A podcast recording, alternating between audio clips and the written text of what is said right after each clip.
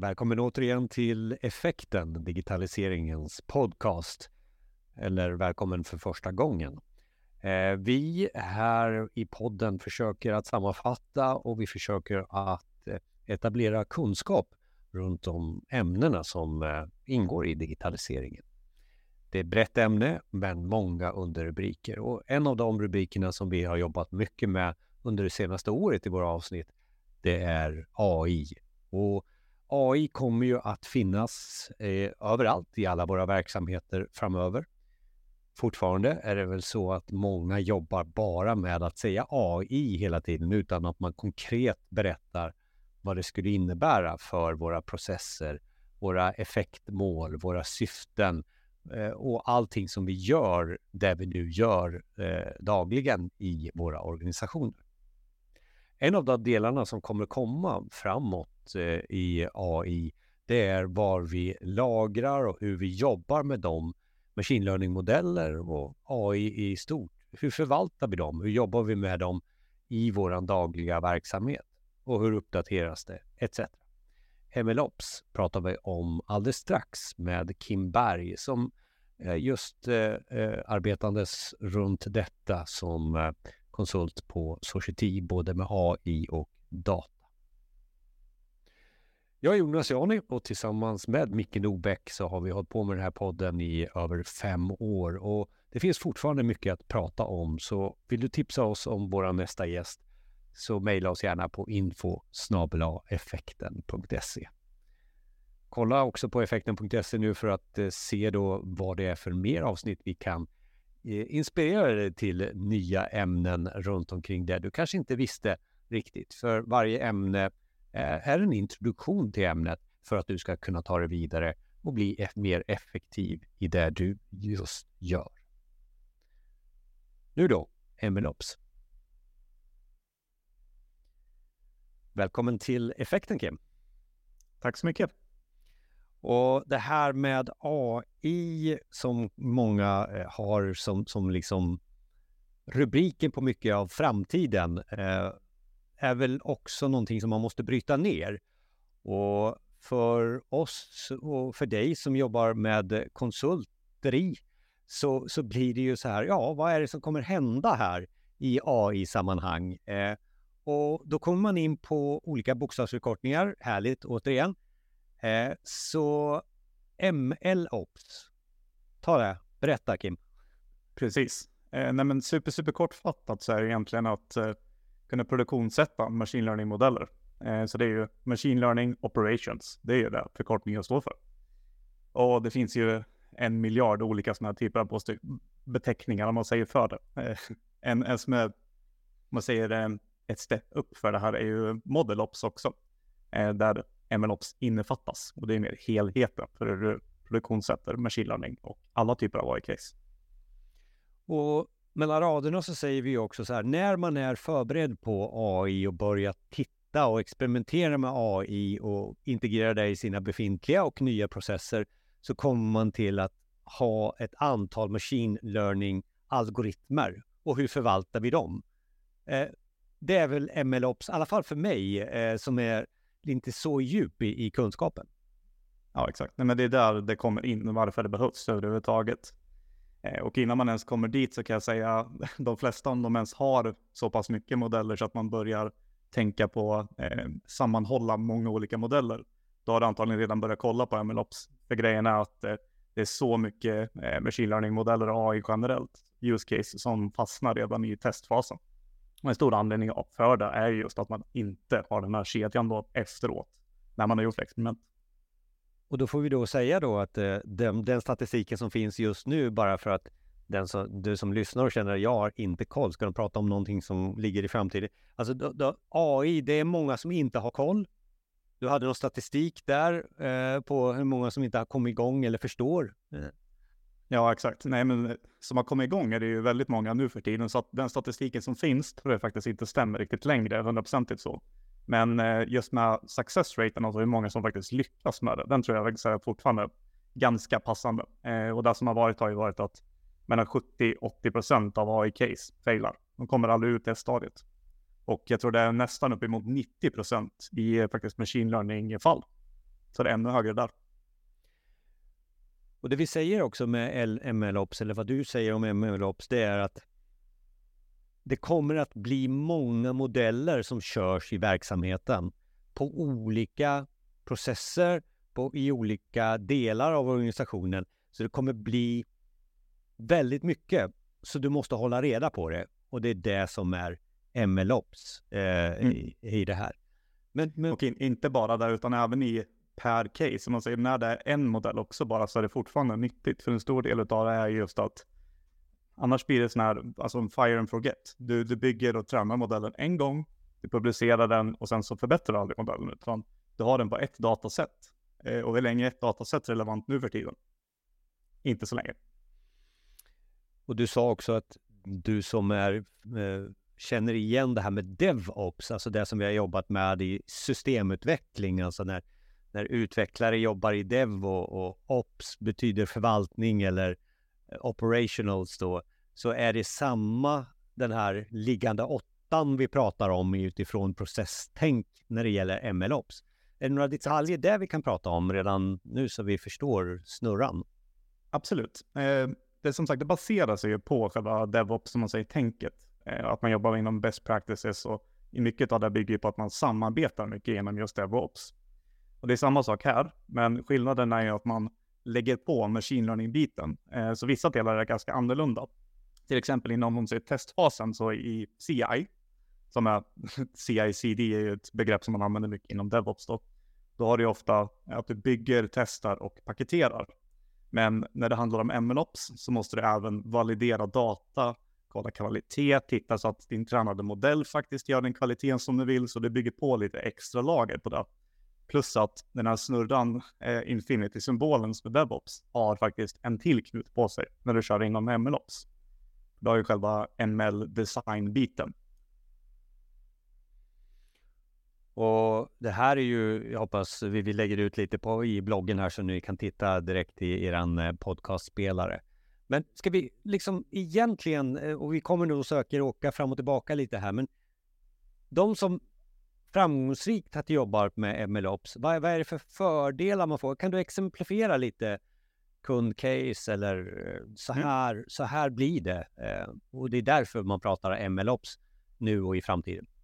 Exakt. Eh, behöver inte dra något exakt kundcase rakt av så. Jag, jag, jobbar väldigt mycket inom just tillverkningsindustrin där jag har varit väldigt mycket och eh, hjälpt till som konsult då, och speciellt inom mycket med machine learning då. Men eh, det som jag har märkt väldigt mycket är ju det att innan som man att göra det här mer, eh, alltså modell för modell, precis som du sa, separat och halvlyckats ändå få in ganska bra för att kunna återträna och sådär. Men när man sätter in det i en stor skala och faktiskt bygger på automation, det är då man eh, sparar extremt mycket av det. Och automation är en stor del just i DevOps och det är den bland annat också i MLOps. Alla eh, delar av cykeln ska ju vara automatiserad. Och det finns ju även statistik på den här biten då också. Och det är ju att jag tror det var mellan 3 och 15 procent mer profit brukar företagen ha som just lyckas med MLOps. Bara genom machine learning-biten då, vad man kan få ut av det. Och det beror ju då på att man faktiskt kan eh, repeterbart Alltså på, på samma sätt kunna skjuta ut flera modeller. Så man kan bygga mer och att det går att återanvända saker, för det går snabbare att göra det. Men inte bara där, utan att man också då som sagt återtränar och förbättrar befintliga modeller så att de inte bara går att använda en gång, utan de kan använda samma modell under en väldigt lång tid istället då. Så om det blir någonting att datan förändrar sig och ja, det, det gör det hela tiden och speciellt när det är jättestora bolag och i, till exempel i tillverkningen. Jag menar, det blir olika material, det gör om saker hela tiden då det kommer förändra sig. Så man måste träna om modellen konstant, minsta lilla när det förändras. Och det är där du bygger in i den här loopen då, att det automatiskt triggar en återträning när det kommer in i data som är viktig för modellen. Och på det sättet så, ja, det, det går ju att förbättra sina processer på massa sätt också inom bolaget, inte bara med man ser sådana system som man bygger rakt ut mot kunder, utan du kan ju förbättra dina interna processer hur du gör grejer. Till exempel när du tillverkar, om du eh, gör någonting eh, materialtillverkning överhuvudtaget. Det finns ju så mycket datapunkter i en sån typ av process som man kan på något sätt förbättra. Det kan man ju utnyttja det här på då. Vad skulle du säga är det vanligast, vanligaste du ser i förvaltningssammanhanget är MLOps just nu? Du tog tillverkande industri här, men är det någon sådär, det här är modeller som brukar snurra? Eh, just, jag jobbar ju mest inom tillväxtindustrin som är just nu, för det finns ju väldigt mycket sådana typer av företag just i, i Sverige som är mest aktiva idag. Så att, men eh, rent generellt så är det ju fortfarande samma typer av modeller som är mest använda. Eh, det är ju prediktioner på olika typer. Till exempel så något som de flesta bolagen kan ha nytta av är ju att olika typer av churn rates, alltså kolla varför man tappar kunder eller tappar eh, anställda på sitt bolag och sådana saker. Den typen av prediktion är ju de flesta, för många har ju problem med det. Speciellt inom vår bransch är det väldigt mycket omsättning på personal om man säger så. Och kolla den typen av eh, eh, statistik och se varför händer det? Det är någonting som de flesta kan använda. Och eh, ja. Jo, jag vill bara haka på det du säger. Alltså vi är fortfarande väldigt mycket i predictions i, i, i våra AI-modeller. Är det fortfarande så att man eh, eh, lite prediction bara först och så, så kan, hakar vi på lite mer där. Uh. Ja, exakt. Men prediction är ju bara rätt att man, man har en massa olika datapunkter på någonting. Och sen så vill man förutspå någonting som kan hända i framtiden då, baserat på den datan. Så det är, det är egentligen bara sannolikhetsmodeller. Hur stor sannolikhet är, det, sannolikhet är att det här kan hända, vad det nu är för någonting man vill förutspå. Eh, och jag känner att det, det, är det som är mest greppbart också för många eh, verksamheter. För att det, det hakar in lite i kanske serviceprocesser som man har haft problem med, där man liksom byter saker på tid eller när det går sönder och sen så lanseras det en tredje modell som är prediction-modellen istället i den här service. Det blir, är det enklare modeller eh, eh, när man pratar om prediction? Alla förstår? Är det... Nej, mycket av det är ju det att eh, alltså nu för tiden så man, man, skriver ju inte sin egen, vad säger basmodell, algoritm du utgår ifrån, utan du återanvänder ju nästan alltid sånt som redan finns. Eh, för ja, såklart, det finns undantag till det, men de flesta företagen skriver ju inte sin egna del, utan du, du kör ju med olika typer av auto-ML som det heter, så att du använder befintliga grejer, mappar in det och kollar vad som du får bäst förutspåning ifrån. Eh, det är så de flesta är. Och du har säkert också fler exempel när MLOps eh, skapar förutsättningarna. För att vad jag uppfattar, och vi hakar på det här med predictions igen, om du har sådana modeller i den här snurran så, så lägger man på dat nya datakällor, man kan träna om det, man kan addera eh, tankar om vad det här skulle förbättra. Men det kan man ju göra ändå, tänker jag. Behöver man inte ha MLOps till, eller? Men mycket av det här är att du gör det per automatik också, så det är inte bara att du kan göra det. Ja, du kan göra det och du kan göra det manuellt också, men det tar så himla mycket mer tid att göra det. Eh, plus att du, du gör ju så att du övervakar hela biten på det också, så att hur den nu presterar så ser den att ah, men, det presterar dåligt på grund av den här hyperparametern som du sätter in. Så att de, de märker liksom i det här steget på en gång att ah, okej, okay, nej, men nu måste vi ta tillbaka det till kanske hela vägen tillbaka till designstadiet. Eh, eller att du måste gå tillbaka och tweaka någonting på en hyperparameter i utvecklingsfasen mer. Och, ja, så det, du kan liksom hela tiden förbättra den. Det är det som är hela grejen med det. Och att det just är automatiserat. Och du, när det är klart med det så skjuter du ut den nya modellen, den som faktiskt eh, presterar bäst. Det är den som blir publicerad. Det är den som blir deployad, som kan användas då av applikationen. Och ja, du kan göra det manuellt, men det är väldigt tidkrävande. Har du mer exempel eh, för för vad du har sett fördelar med, med att just använda MLOps?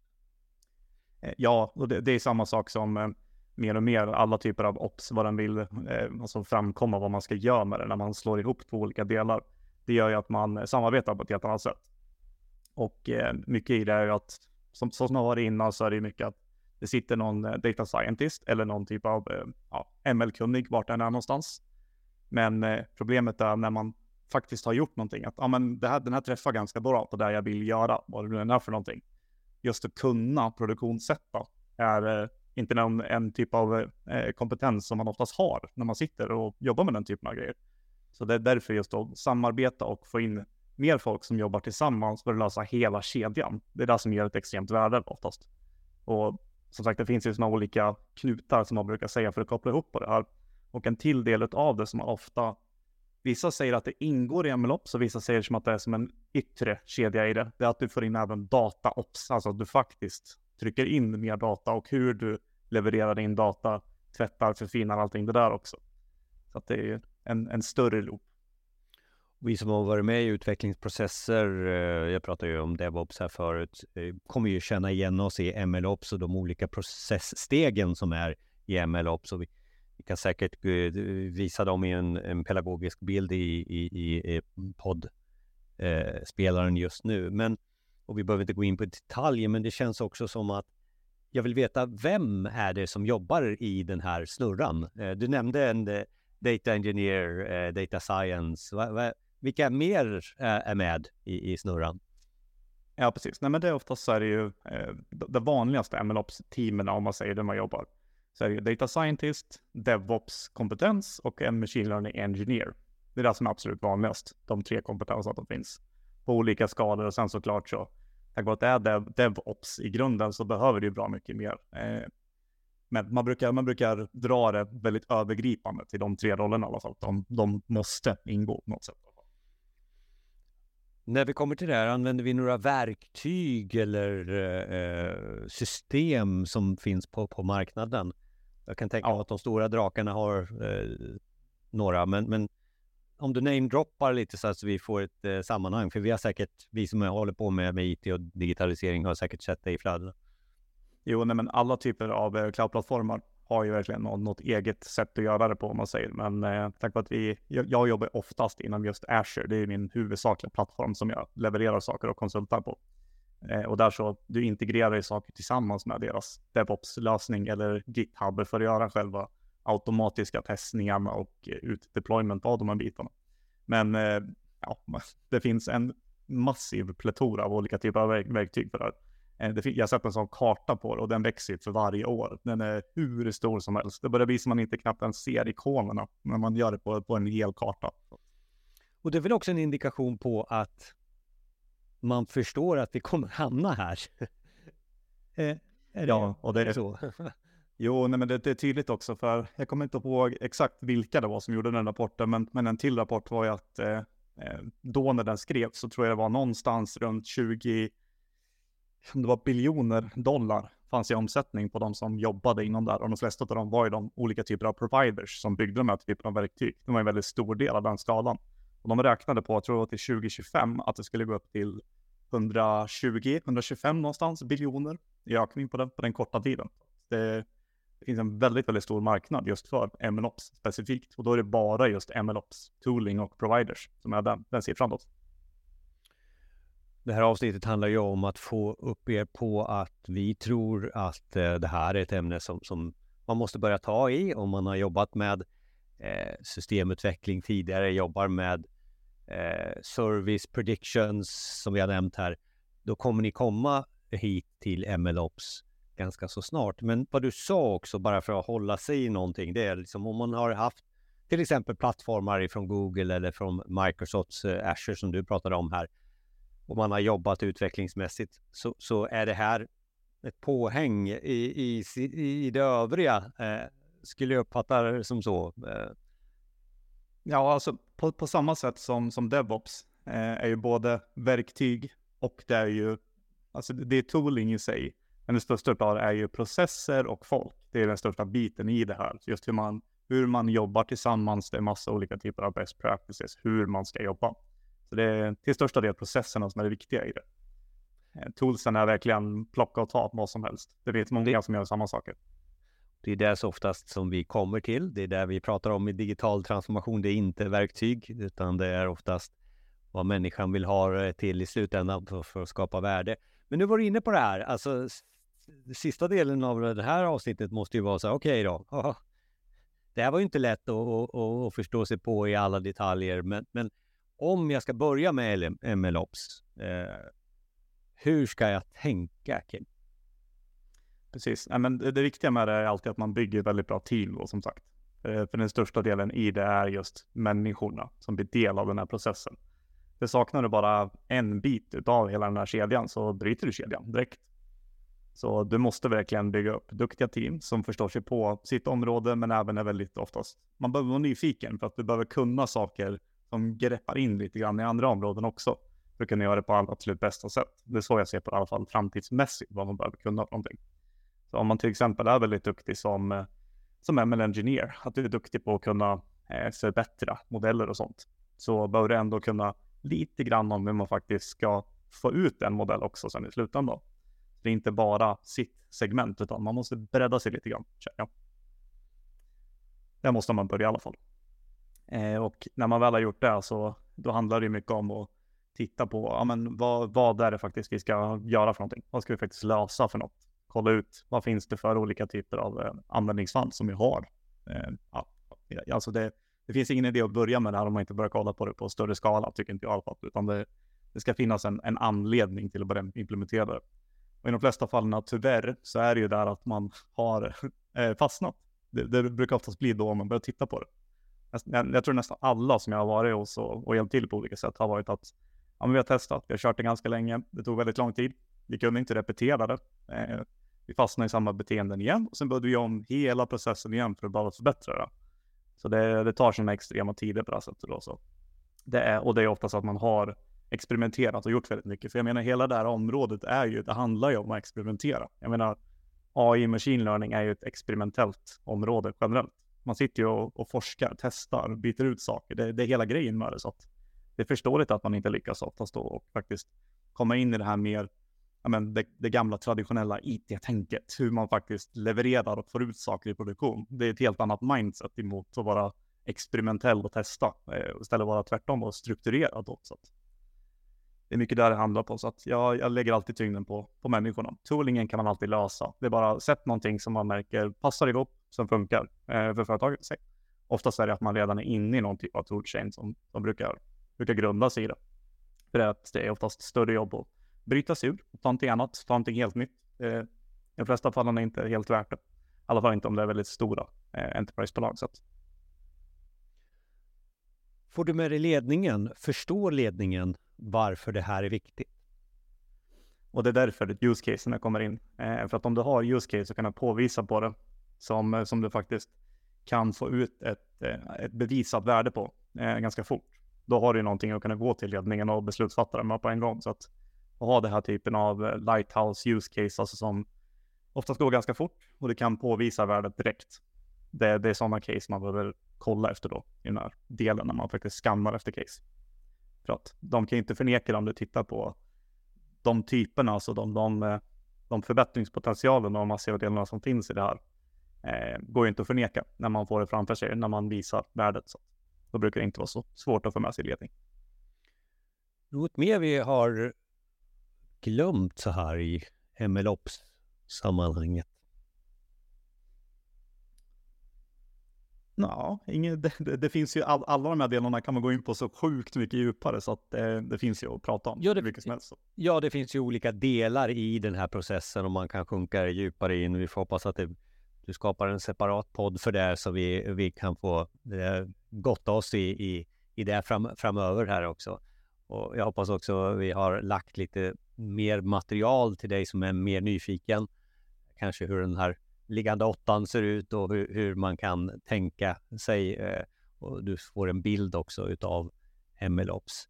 Eh, vad, vad, tror du? Eh, kommer vi alla företag ha MLOps i framtiden? Ja, på något sätt. Kanske inte en MLOps. Alltså, eh, termen är ju flyktiga, skulle jag säga. Eh, för redan nu som sagt finns det ju hur mycket olika grejer som helst inom där. Du har ju ModelOps som jag nämnde som är den övergripande termen för hur du produktionssätter AI-case rent generellt. Och sen så har du MLOps för Machine Learning Operations, när du produktionssätter just Machine Learning. Så finns det ju väldigt jätte, jätteconfusing med alla termer. Det finns som heter AI-ops, som inte är samma sak. Det handlar om hur du använder AI inom operations.